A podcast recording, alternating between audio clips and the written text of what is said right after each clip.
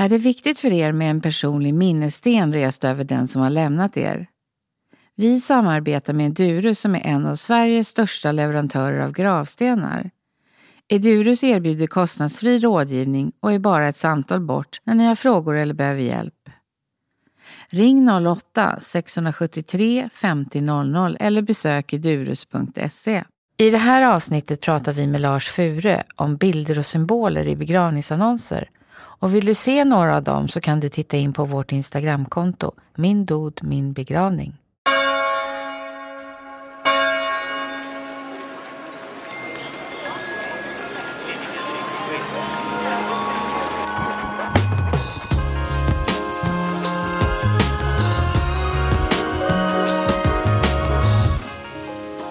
Välkommen till podden Min död, min begravning. Jag heter Barbro Olsson Smith och idag ska vi träffa Lars Fure som är grafisk formgivare och konstnär. Välkommen hit! Tack! Jag är lite nyfiken på vad du har haft för olika idéer kring det här ämnet. Och jag, jag tycker, det här är verkligen ett favoritämne, ett evigt ämne som jag har eh, intresserat mig för länge. Jag tänkte det kan ju bero på att min pappa dog när jag var barn, bara åtta år. Mm. Och jag kommer nära döden, som man gör då när någon går bort. Så att jag har ganska, det inbillar mig att jag har ett okomplicerat förhållande till döden, ganska oneurotiskt. Jag tycker om att prata om det. Mm. Det brukar man ju annars just säga att det är ingen som pratar om döden. Jag gör gärna det. Mm. Jag tycker det stör mig inte alls och eh, det roar mig snarare. Mm. Ja, jag tycker det är intressant. Ja. Men då har du kommit rätt. Ja. ja. Berätta, har du varit involverad i några projekt kring det här? Ja, jag är, jobbar ju på uppdrag och har eget företag och då har det framförallt varit det är snart sex år sedan så fick jag ett uppdrag för Liljevalchs, och, alltså Liljevalchs konsthall i Stockholm. Och de hade en, på gång en utställning som faktiskt skulle heta Döden, en utställning om livet. Och eh, då var det Pia Kristoffersson, mm. som också har varit gäst mm. va, hos dig. Hon var inblandad i det här och var redaktör för en katalog som jag också blev formgivare till så småningom. Jag tog fram det grafiska materialet och inklusive en affisch. Och det som var speciellt med den affischen var att vi tog fram faktiskt en en riktig gravsten som man brukar prata om, hugga i sten, som det behöver man inte göra, men det kan vara ganska härligt att göra ibland. Så till den här affischen så lät vi tillverka en gravsten på vilken vi högg in utställningens titel eh, som var Döden. Och, och eh, utformningen är som en dödsannons. Så att eh, i annonseringen av utställningen så tog vi koll på den samtidigt, kanske man kan säga. Hur menar du då? Att den hade visat något som hade dött och det var det som mm. berättade att nu har någonting fötts. Så det var en rolig motsägelse. Döden, en utställning om livet, född 4 juni 2016. Och så visste vi då att den skulle dö 4 september 2016. Så att eh, en riktig gravsten som höggs i Södertälje plåtade vi av och visade i 70-100 format helt enkelt. Och sen så placerades den här stenen ute på Djurgården, för det här var en utomhusutställning. Mm. Så när man kom och gick där, man går över Djurgårdsbron, tar av till höger strax före Nordiska museet, så stod den här utplacerad som alltså själva gravstenen, som en affisch, mm. huggen i sten. Mm. Så det var det är väldigt härligt att få vara med. Och den symbolen på gravstenen, det är en palett med två korslagda ben under. Lite som en dödskalle, fast det, tar ett tag innan man ser att det är en palett. Mm. Eftersom det handlar om konst mm. så tyckte vi att det var roligt. Och, och, utställningen utgjordes av ett antal skulpturer på tema döden. Så det mm. var ganska stora projekt utomhus vid Galärvarvet mm. på Djurgården. Och står den här kvar på Djurgården? Nej, det var den sommaren. Ja. Det, var, det var verkligen en stor satsning. Jag tror ganska många missade den, men den eh, tog plats där bakom Nordiska museet, mm. vid Vasamuseet. Men jag tänkte också även den här eh, gravstenen, alltså, om Ja. den finns kvar. Nej, det vet jag inte. Jag hade kunnat få den Ja. om, och det ville jag. Men Ja. det, sen så insåg jag att jag kan inte, jag kan inte ta hand om det. Det är en jättesak. Ja, och väldigt tung. Ja. Men pampigt hade det varit att ha en stor gravsten någonstans. Men det där var ju en, en, en, eh, en rolig idé där man verkligen såg, innan man ens, ens börjar läsa så förstår man att det handlar om döden. Så, så starkt är ju den här stenen, inskriptioner och guld och, ja, Ja, och hur typografi är centrerat och så vidare. Mm. Det är svart och guld. Det är Mm. klassiska gravstensfärgerna kanske också. Eller svart och stenfärgen. Hela den här utställningens katalog Utöver att den presenterar de olika konstnärernas verk så handlar den också om olika inslag i, i, i vår vardag egentligen som, som har med döden att göra. Vi tog till exempel bilder där på Skogskyrkogården, den här fina backen från Lunden där, där barn åker pulka på vintern. Som då, det var lite snack om att det var, det var lite kontroversiellt. Och skulle man verkligen göra det? Det är ganska mycket bilder på det här temat som är liksom bortom konstnärernas verk också.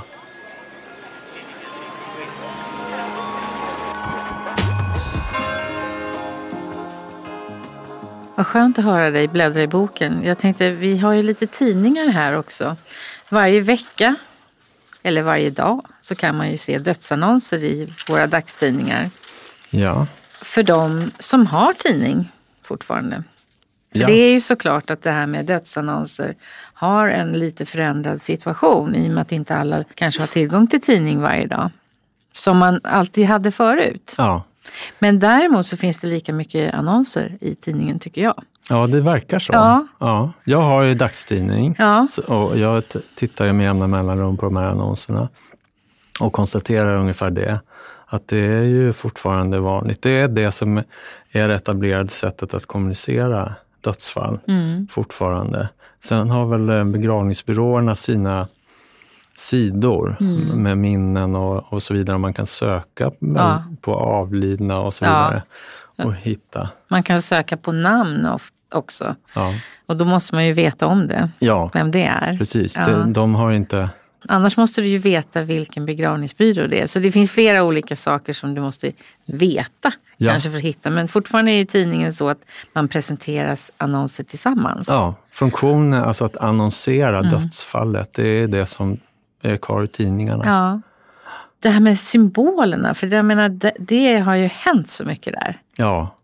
Det är roligt att du tar upp det, för Ja. jag råkar ju ha en liten samling med, med såna här symboler. Och jag har undervisat väldigt mycket i flera decennier på Beckmans designhögskola. Och jag råkar vara där nu också den här terminen som, som vikarie. Men redan på 90-talet började jag intressera mig för just den här grafiska uttrycket som är en del av dödsannonserna. Och eh, då någon gång, tidigt 90-tal tror jag, eller sent 80-tal, så hände det saker på det området. Från att alla mer eller mindre hade ett kors, eller man kunde ha en, en liten bukett, möjligtvis en liten blomma eller en fågel, eller annan religiös symbol kunde man ju se förstås. Men sen så var det liksom slut med utbudet. Det var väldigt begränsat. Och det var, jag, jag minns att jag då och långt senare tittade i en tidning i Finland och, och där var det fortfarande nästan uteslutande kors. Så vi går i lite olika takt vad gäller den här utvecklingen. Det är möjligt att det ser helt annorlunda ut där med idag. Men då på 90-talet så började jag notera de här ofta överraskande symbolerna. Och min första bild, det som gjorde att den här samlingen tog form, det var en väldigt eh, rörande teckning på en husvagn som någon hade placerat i en dödsannons till sin make, kanske det var. Det är mycket gissningar här, man vet inte vad som ligger bakom önskemål eller mm, bevekelsegrunder eller hur man kommer fram till det här. Det är ju lätt att tolka, det här var en person för vilken husvagnen betydde det mesta, kanske i livet. Och då är det väl fint att ha den som symbol i dödsannonsen. Och det, just i det här fallet så är det en egenhändigt, som jag tr- tror, av, avrita den egna husvagnen. Så den är väldigt charmig och eh, annorlunda då. Nu, då. Eh, det här var på 90-talet. Nu är det ju jättevanligt med de här skräddarsydda egna valen. Mm. Så det var den första och sen så började jag samla på mig just för en, att jag hade ett, ett projekt på Beckmans på temat döden också. Jag ska inte gå in på det för det väckte ganska mycket ångest hos många unga. Men d- där i samband med det så pratade jag om det här också. Här bläddrar lite i den här samlingen så den här Linneablomman har också funnits som ett val. Om man inte vill ha korset då kunde man ta en Linnea eller en liljekonvalj. Det var inte helt unikt. Men sen började det dyka upp som sagt mer avancerade. Här är ett exempel på en person som antagligen hade väldigt nära förhållande till sin bil. Och där en profil av bilen, så läser jag den här. Du får, Ja, du får är det, liksom, är, är det den bilen eller är det en bil eller är det vad bilen kan göra, ta en någonstans? Ja, säg det. Det är en, en linje som antyder en profil av en bil. Jag Ja. skulle säga en Saab. Jag, det, det, som, igen, det är svårt att veta här vad som ligger bakom. Men den här är från 2004, så det är tio år senare då kanske. Ja. Och sen kanske det beror lite på hur gammal personen är som har avlidit också. Ja, det tror jag verkligen. Det finns lite olika ja, sätt som man kanske brukar göra. Ja, Eh, men jag vet inte hur gammal den här personen var. Så. det ser ut som att eh, personen i fråga blev 80 år ungefär. Mm. 83. Ja. Mm. Här är ett exempel på en monogram som är ganska kryptisk. Det är svårt att härleda eh, initialerna till den person som har gått bort i det här fallet. Så då är det lite gåtfullt nästan. Mm, vad, mm. vad betyder det här? Det blir internt. Ja, det kanske är någon märkning. Ja. Kanske har någonting att göra med militärt eller kan det vara silver, metallmärkning. Jag Ja. funderade också på den där. Lite samma ålder som den förra, Ja. och, och omkring 80 år. Men då kan man ju säga att det, det kanske är internt för att det är där det liksom börjar. Det börjar kring den personen som man skriver om i, i annonsen. Ja, det tror jag. Då kan man ju fråga sig om det spelar roll om alla förstår eller inte. Men det är också en fråga just om vem vänder man sig till i den här kommunikationen? Mm. För att som vi konstaterade nyss så är det ju en funktion som går ut på att meddela. Mm. Den här personen har gått bort. Och det är ganska, i de flesta fall, en rätt stor målgrupp Mm. ändå, om man tänker sig hur många människor man känner. Det är ju också förstås väldigt individuellt. Och då är det ju inte internt, Nej. utan ja, jag har funderat mycket på just det där med anledning av de här. Här har vi två varianter på hästar som eh, vända åt motsatta håll. Den ena är med huvudet åt vänster och den andra åt höger. Och de här har ju blivit vanliga med eh, husdjur helt enkelt. Hundar är jättevanliga. Och där tycker jag det blir märkligt för att som jag läser den här så är det hästen som heter det här namnet nästan. Fast man förstår ju att det inte är så. Men ibland så känns det som att den där hunden, hette den verkligen Ulla-Britta? Ja.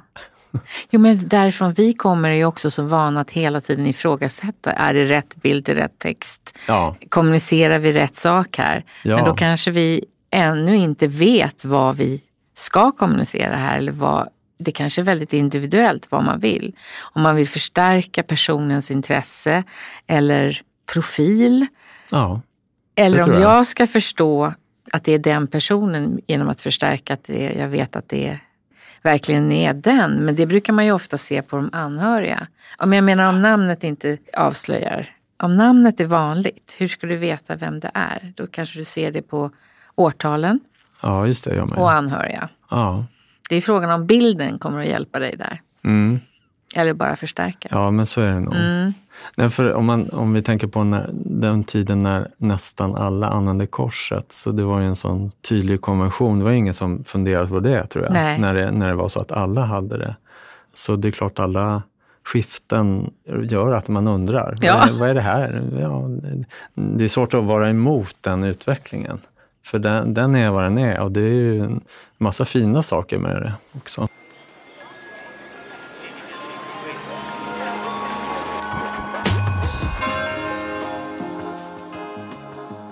Älgen? Ja, här har vi ju två älgar. Och det är säkert två herrar, som 80-årsåldern också de, som säkert har hållit på med älgjakt. Mm. Varför inte berätta det? Och samtidigt hela tiden så undrar jag varför. Är det, Mm. det, är det det som är det viktigaste med ett liv? Ja, det kanske det är. Jag tycker det är svårt. Det är svårt att välja och tänka, vad skulle jag själv ha då? Ja. Jag skulle ju inte ha någon älg, men jag håller inte heller på med älgjakt. Så det, det är också svårt att döma någon, men man kan ju igen undra. Mm. Mm. Här är en variant som kanske närmar sig vad jag själv skulle välja.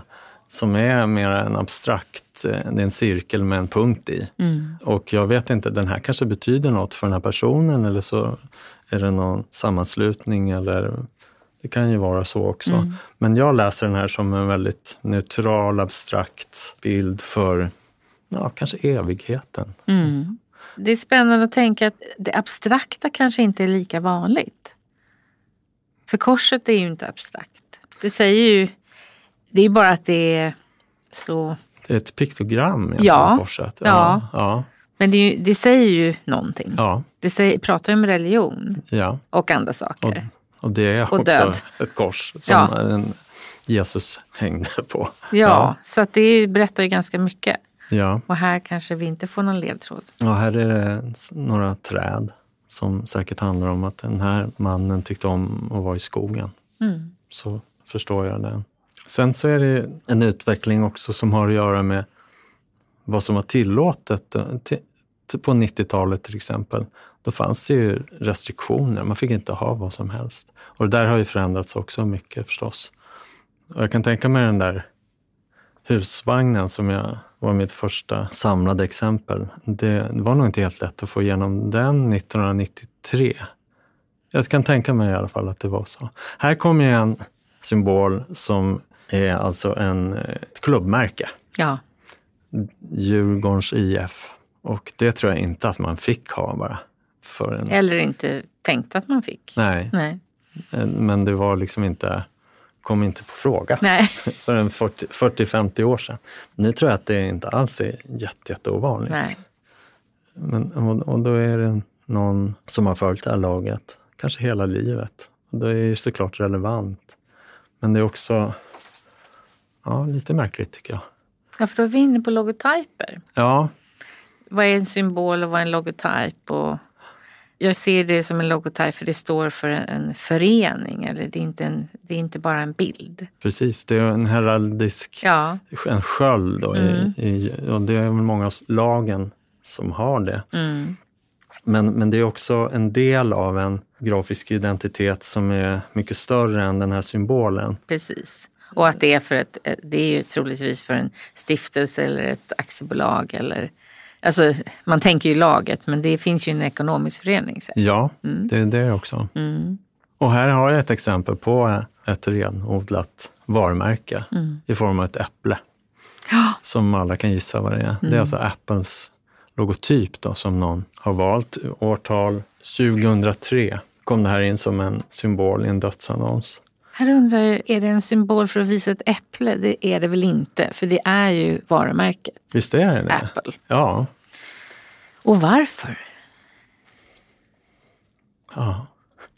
Hängiven produkten. Hängiven. Produkten eller jobbade med, det kan ju vara sådana saker också, att man Ja. arbetade med för varumärket. Jag har ett exempel som dök upp när um, Olle Excel dog, som är känd bland grafiska formgivare som den som skapade ögonkaka och Mazzetti-logotypen Mm. på 50-talet. Mm. Som är ganska populär och i, en då ny stil som föddes på Madison Avenue tror jag med CBS, tv-bolagen och alla de här. Mm. En hård stilisering Mm. långt gången stilisering eh, där det är bara de enklaste elementen som fortfarande är betydelsebärande som bygger en, ändå en bild. Och ögonkaka och logotypen i den skolan och den har ju hållit bra. Den är fortfarande populär i vissa sammanhang. Men den fanns i Olle Excels egen dödsannons. Och då är det ett öga som är Det är en ganska fin symbol tycker jag, för en dödsannons. Mm. När man dör börjar man se, eller tvärtom. Mm. Och, och, och så, så det kan jag ju också verkligen sympatisera med. Men igen så är det det här med, men ser man inte ögonkaka här först? Det blir ju på ett sätt superbanalt. Ska vi ha varm choklad nu? Ja. Jag tycker det är förbryllande. Och var det hans val eller var det hans anhörigas val? Jag har inte rotat i det, Nej. men jag vet inte heller. Det kanske var hans. Det betyder ju, kan man tänka sig, väldigt mycket för honom, det uppdraget. Därför det präglade hela hans Karriär. yrkesbana. Mm. Sen dess och i och med den här 2008 då, Apple-logotypen, så det har blivit vanligare och vanligare med, med varumärken helt enkelt. Mm. Det här är lite genren, det här tycker jag är så rörande på samma sätt som husvagnen. Det är en buss som är avbildad med en man som blev 66 år. Som antagligen var busschaufför. Mm. Det är inte så mycket information i den här dödsannonsen. Det är ett par anhöriga och sen många goda grannar och vänner. Jag får en känsla av att det, var, det här är en person som inte hade ett jättestort umgänge eller en massa vänner. Det står vänner som avsändare Mm. i annonsen också. Det går att läsa in så mycket utöver symbolerna i de här texterna. Vilka är de deltagande, Mm. de anhöriga och så vidare. Ja, vad väljer man till en person som man inte är så nära? Om man är en person som organiserar en begravning för någon som man inte är väldigt nära. Då måste man ju göra vissa gissningar om inte det finns någonting. Och så kan det ju också vara att man då tänker, vad, vad var mest synonym med den här personen? Ja, Kanske en yrkesbana eller ett yrkesliv eller ett intresse. det står ju till och med här, vår vän. Så den här dödsannonsen, det är inte hans nära familj som har satt in Nej. den här.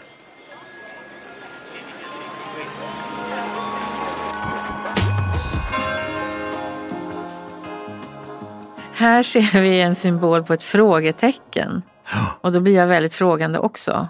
Vad har du kommit fram till här? Jag tror att det är chock, Ja, chockade chocken. Mm. föräldrar, en chockad förälder och syskon som undrar Varför? Hur, varför. Mm. Det är en ung människa som var född 1977 och dog 2008.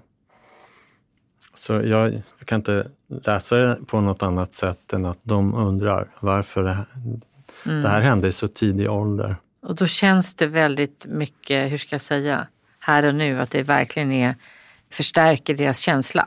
Mm. Väldigt starkt. Det blir det. Det är en särskild sorts poesi det här ju, som är kraftfull och omedelbar i, i vissa fall. Mm. Och här är också ett typografiskt tecken som har använts inte riktigt korrekt då, om man ska vara petig. För att jag tror att det ska betyda evighetstecknet. Mm. Men det är en åtta Liggande. som är lagd på sidan. Mm. Och då är det väl inte så många som tittar på det eller ens bryr sig om som vi som ser det. Men det hade ju varit fint om det var inte en liggande, en åtta som har lagts på, ner bara, utan att det var ett, e, ett tecken för evigheten som också går att finna. Men, men där tror jag att man 2004, som det här är snart 20 år sedan, var också mer begränsad. Jag tycker att man ser det också på mina de här exemplen, att kvaliteten i upplösningen är ofta ganska kass. Och trycket är också, bara på 20 år, har blivit väldigt mycket bättre på upplösningen. Och vad man ska komma ihåg är att, att tidningarna har ju en, eh, jag vet inte om de har tusen eller något sånt, de har många symboler som man då får nyttja. Ah, Eller så får man eh, leverera en egen symbol. Och det kan ju, är ju också många människor som inte är egna grafiska designers som eh, då kanske inte det fanns något evighetstecken. Så är det enkelt. säkert. Det tror jag. Eh, och sen så är det så att man hittar bilder så måste man äga dem så att säga. Om du ska kunna publicera dem. Ja. Så att du måste bevisa ditt ägandeskap eller, eller att du har skapat det. Det här är också en ofta använd symbol förstås, och hjärtat i Ja. två varianter med antingen ett enkelt hjärta eller tre hjärtan har vi också exempel på här. Och nu finns det ofta i färg också ett rött solidt hjärta. Just det. Det intressanta kring hjärtat tycker jag det är ju att vi jobbar ju med hjärtan på sociala medier ganska i tid och otid. Verkligen. Helt, Eh, helt vi, vi liksom drösar med hjärtan, Ja. eller vad ska kalla man det? Slösar. Ja, Eller är generösa med hjärtan. ja, Så här blir ju det både en igenkänning eh, med hjärtat men det är också viktigt att man känner att det blir värdigt. Och det tycker jag det blir fortfarande i ett tidningstryck. Jag tror man, man får anledning också att ifrågasätta sina egna val och just med hela emoji-världen. Mm. Och den har vi kanske inte sett, de symbolerna har inte dykt upp ännu i dödsannonser. Men, men det är ett, nytt, ett språk som de flesta kommer i kontakt med och också använder. Och för min egen del har hjärtat från att jag var lite sådär sparsam med det, använder det hela tiden. Ja, Och och den, den där utvecklingen är också intressant för den personliga. Vad, vad tycker man är lämpligt och i vilket sammanhang och när och allt det här. mm. Det förändras Mm. och kanske Hela går, tiden. går i vågor hit och dit. Och jag tror att det förändras inte bara i tekni- tekniken såklart hjälper ju till.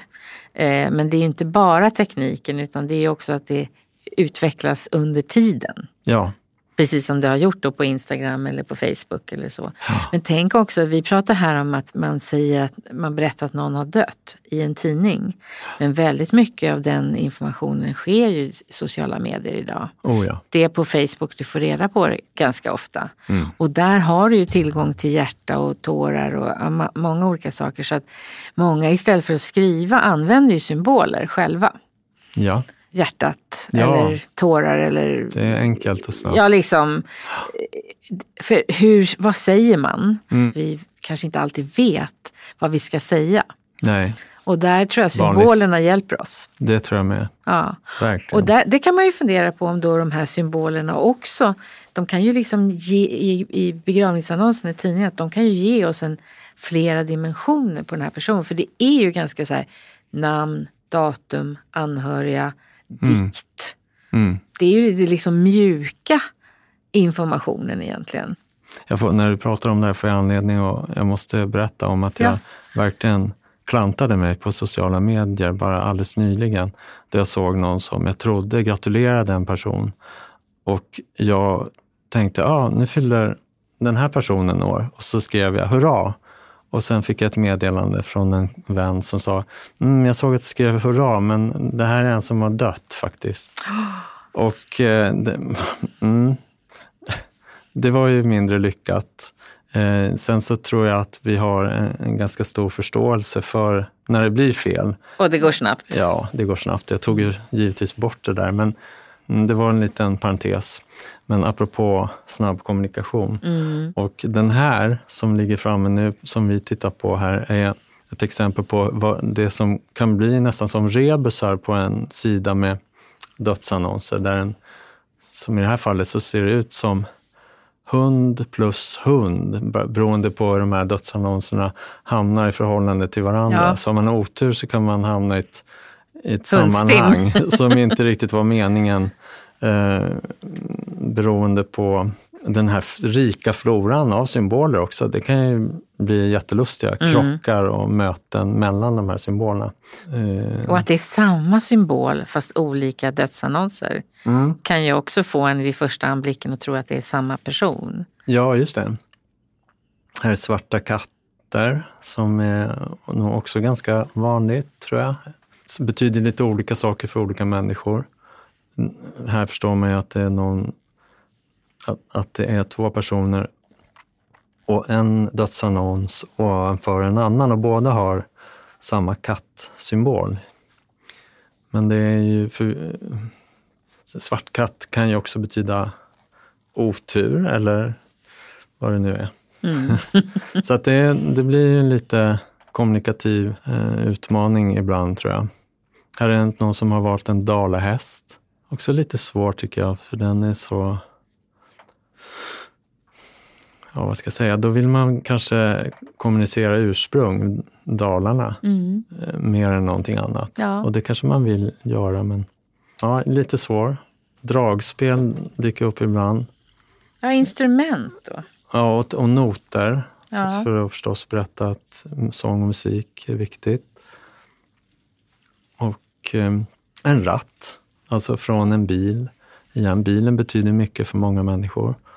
Och eh, det, det som det här visar är, kan ju vara också freds, fredssymbolen. Va? Ja, eller ett varumärke. Som är en särskild bil. Mm. Igen, är rebusen okej? Det är också intressant. För vem är den? Jag är tillbaka till den frågan. Mm. Det är mm. väl där vi landar. Liksom att är, antingen kanske man väljer en, en symbol som symboliserar någonting kring den personen eller så väldigt nära eller så är det mer generellt eller, eller så är det för, för den som ska titta. Ja. Mm, mm. Eller, för, eller för de anhöriga, vad de tyckte var det viktigaste. Man önskar att alla som gör de här valen är medvetna om vad, vad de signalerar och kommunicerar. Mm. Sen, är, sen är väl det mesta okej okay egentligen. Ja. Jag kan inte säga att jag skulle förbjuda någonting. Eh, men ehm, det här är en signatur, personens egen autograf, förstår jag det som. Mm. Som är, då kanske det handlar om en konstnär, en, en konstnär mm. eller en skribent mm. som brukar signera sina texter med, med den här signaturen. Det hade inte jag sett tror jag. Det kanske... Men det här är intressant. Om man vill ha det personligt så måste det ju kunna finnas flera lager än en bil eller ett, eh, en symaskin eller en... Ja eller ett län. Alltså antingen vill man ju tala om var, var man är någonstans eller vad man är intresserad av. Men det riktigt personliga kanske är svårare att få fram. Ja. Om man inte själv är illustratör så att säga. Ja, så, ja det är det nog. Det, det är därför det ser ut som det gör. Ja. Det blir inte så personligt. Ja, det, kan, det, det, är inte säkert att det blir, det blir individuellt kanske men inte personligt. Nej, just det. Och det är kanske som det ska. Eller ja. det blir väldigt djungel om alla ska vara, vara helt unika. Mm. Ja, här är en som tyckte om att, um, vad heter det, paragliding, heter ja, det? Hanggliding. Ja, hanggliding. Ja. Det blir ju intressanta grafiska symboler och illustrationer mm. många gånger mm. den här, som igen då var hårdare tror jag för en 20-30 år sedan med svärtan. Och, De var enklare kanske? Ja, det var Eller... mer streck. Nu ja. kan man nog som, ja, nu kan man ha färg. Ja, ja det, bara det är en stor grej. Ja. Att det finns färg, det har ju kanske inte varit så länge. Ja, Nej, kanske tror inte år. det. 10-20, ja, ja, något sånt.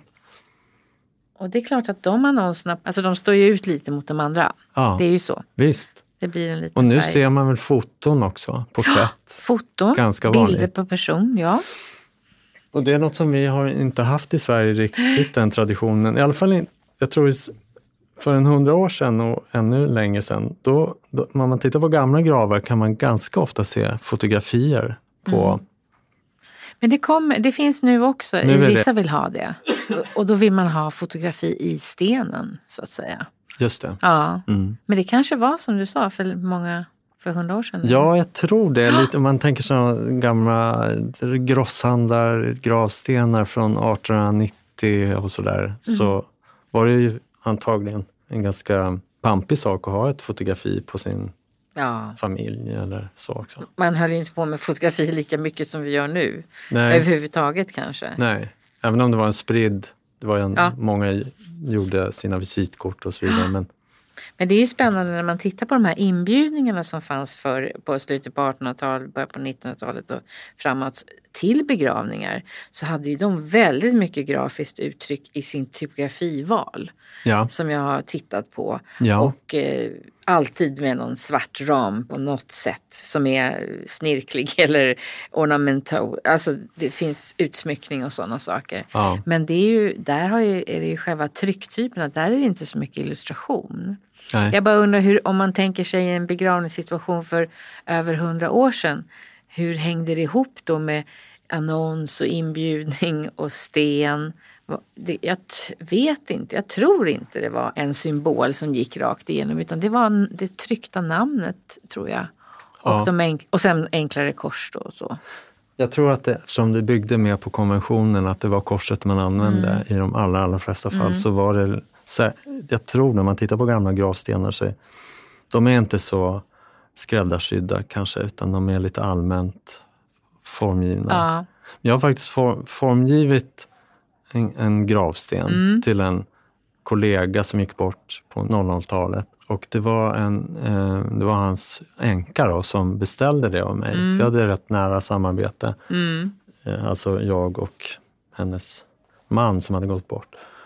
Och det var, det var väldigt speciellt att och, och, och, och försöka tillgodose behov. Det var just ett kors. Mm. Så, men men vi, vi ville göra någonting speciellt och, Mm. och annorlunda utifrån den här konventionen. Det, det skulle inte vara jätteannorlunda men ändå någonting Mm. som skulle vara unikt Ja. för, för hans gravsten. Ja. Och då handlar det om att jobba med små medel men ändå göra någonting Ja, det var det unikt för honom. Då. Ja. Mm. Och eh, det präglas ju av tiden. Det här var alltså 2004 omkring. Och då var det mycket det här enkla som vi var ute efter. En, någon sorts nysaklig eh, minimalism Mm.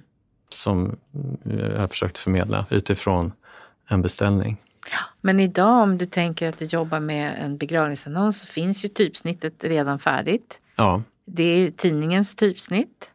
Och sen är det ju när du jobbar i, alltså när du kanske annonserar ute på sociala medier är också all typografi satt i den mallen som Ja. Facebook eller Instagram eller vad det är nu har. mm. Så att om man tänker på det så så är det ju först kanske vid gravstenen eller vid programmet som du kan vara med och påverka det. ja. Men idag tror jag att det blir per automatik att man tänker på en helhet pre- precis på samma sätt som man gör i kommersiella uppdrag. Att det ska liksom hänga ihop och Mm. bli en helhet. Och, och att man just vill använda samma symbol på de olika enheterna. Samma typografi säkert. Nu går inte det i dödsannonserna men i, på program och gravsten kanske. Ja, men då man- blir det ju man- symbolen som du kan jobb, liksom använda mest för att göra det Ja. eget Ja. kanske, eller personligt. Ja. Den här är återkommande. En man som sitter i en eka och eh, metar. Mm. Den är ganska populär Ja. idag och var, kanske började komma då för en 20 år sedan eller 30. Och det finns ju det här uttrycket på engelska, gone fishing, Mm. som betyder att man har dött, eller? ja. Men det, det känns inte som att man tänker så här. Nej, jag, jag tror inte det. Utan, Jag vet inte. Nej, men för att jag lä- läser det som att här är någon som tyckte väldigt mycket om att fiska. Ja, och vara ute i naturen eller till sjöss. och- Mm. Ja. Vad man ser här i den här samlingen, det är så intressant att få se det och prata om det och analysera det tillsammans här. För att det är ju att allt kommunicerar. Vad jag menar med det, eller du kan no- inte inte kommunicera. Så vad du än väljer så kommunicerar du någonting. Ja, Ja, det är alldeles riktigt. och då eh, tänkte att du ska liksom göra det här då för någon anhörig eller i en stund som är jättejobbig. Ska du välja en bild eller hitta en bild och hitta något som du tycker stämmer överens. Som yrkesperson så tänker du, vad kommunicerar det här? Du måste fråga dig alltid varför och det gör vi ju hela tiden. Ja. Men för en person som ska välja en illustration eller en symbol så kanske det är så här, åh, det fanns en bild som jag tyckte där, den där känslan av att sitta och meta var bra. Ja. Eller nu har vi, nu måste jag hitta, någonting finns inte men jag, måste, jag vill verkligen göra det här kring bridge eller någonting. Ja. Så att jag tror att det är, det är stor skillnad om du är professionellt utbildad inom det här. Men ändå så ska vi alla se dem. Ja. Ja, Ja, det, det är det- en bra kommentar för att jag, det är ju, alla har vi våra sjukor eller liksom fastnar vid olika saker. Så det är alldeles Ja. riktigt tror jag. men jag hoppas att det, det här, att dina tankar kring det här kan väcka tanken hos, hos våra lyssnare som kanske ska, kommer att ställas inför det här. Ja. Vilken symbol vill jag ha? Ja. Vilken symbol ska jag välja för min mamma? Vilken illustration ska jag välja för min pappa? Eller när det händer ett dödsfall snabbt, vad ska jag göra då? Så att det är de här valen. Ja.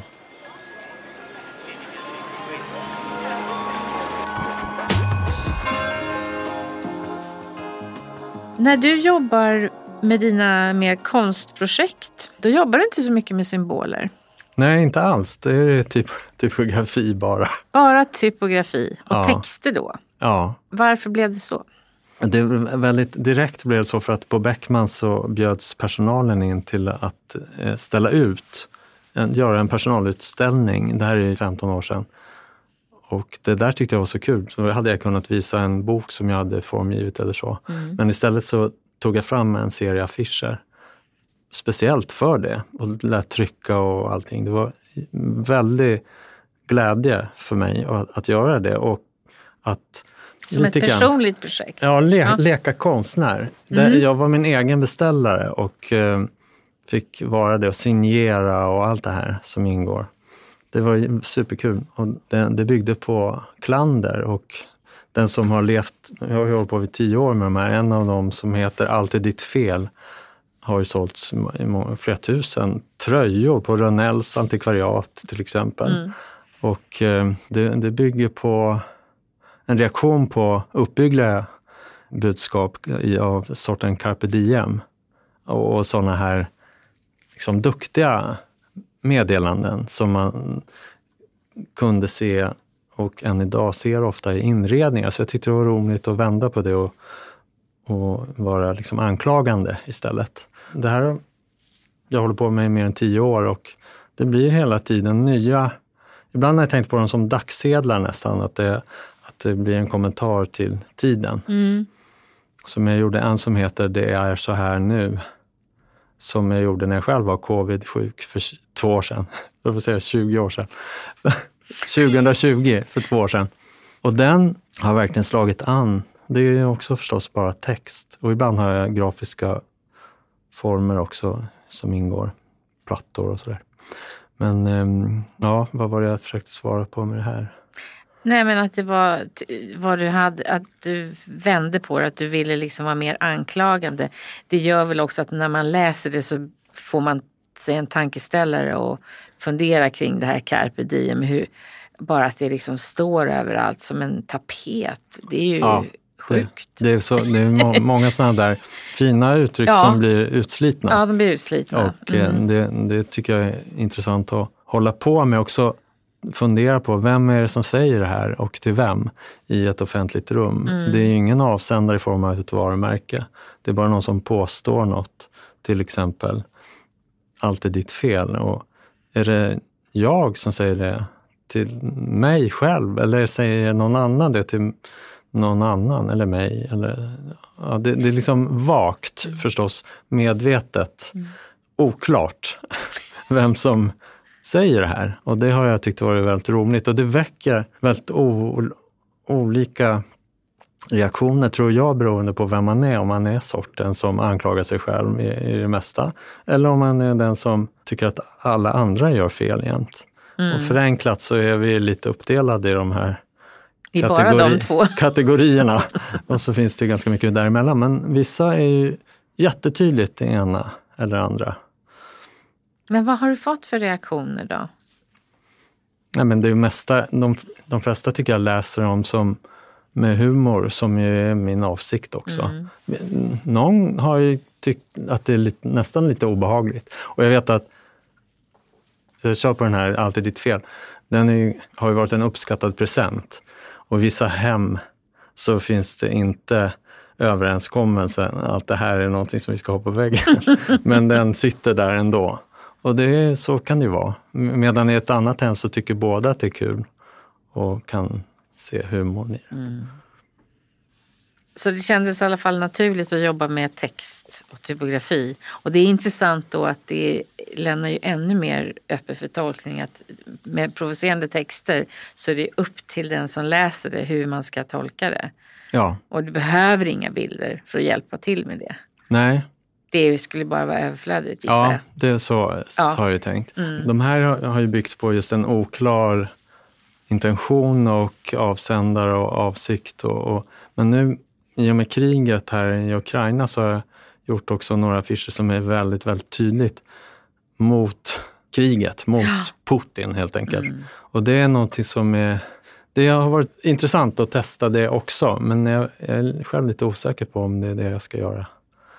Men, men samt, å andra sidan så det är det är väldigt mycket en lek för mig det här också. Jag har ju tryckt ganska många men det, de flesta är bara på som digitala. Mm. De finns ju inte i tryck. Mm. Så jag, jag håller på med det. det. Det är jättekul.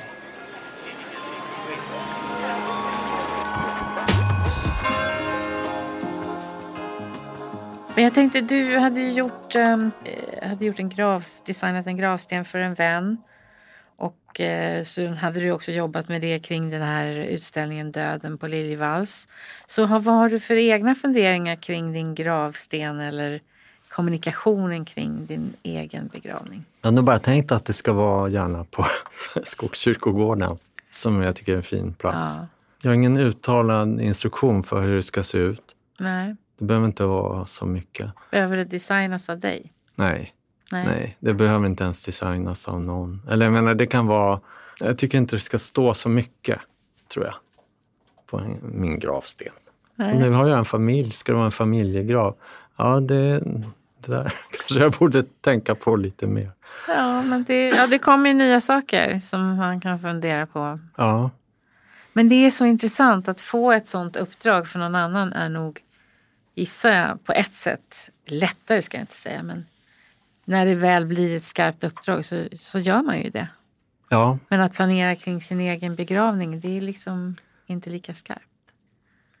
Nej, jag har tänkt på musiken ja. faktiskt. Vad det skulle, men, men jag har inte jag har inte den spellistan här.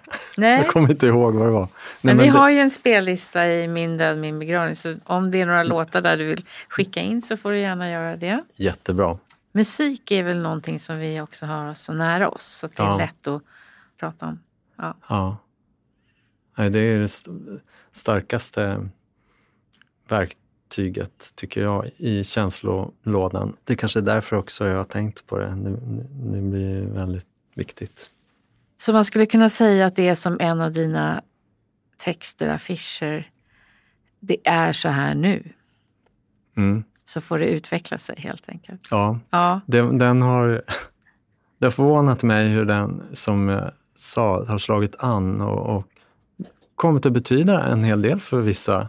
Jag har sålt några hundra sådana mm. och eh, det var väldigt oväntat att den skulle bli så uppskattad. Mm. Och jag, det, var, det var en man som hade haft en stroke, jag visade dem där på utställning, som stod och tittade på den länge och var, var väldigt tagen. Mm. Det,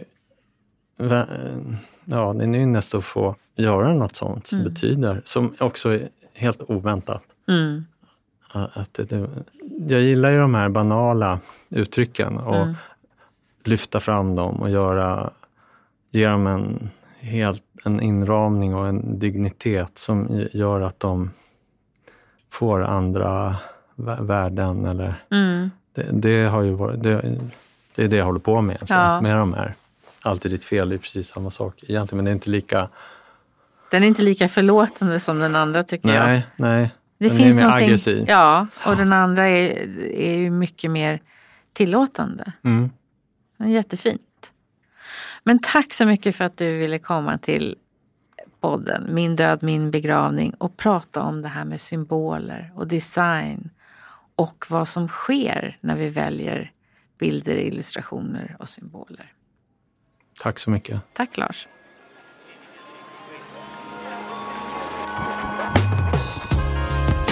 Följ oss på Instagram, min dod min begravning podcast. Om du undrar någonting eller vill veta mer så hör av dig på info at mindodminbegravning.se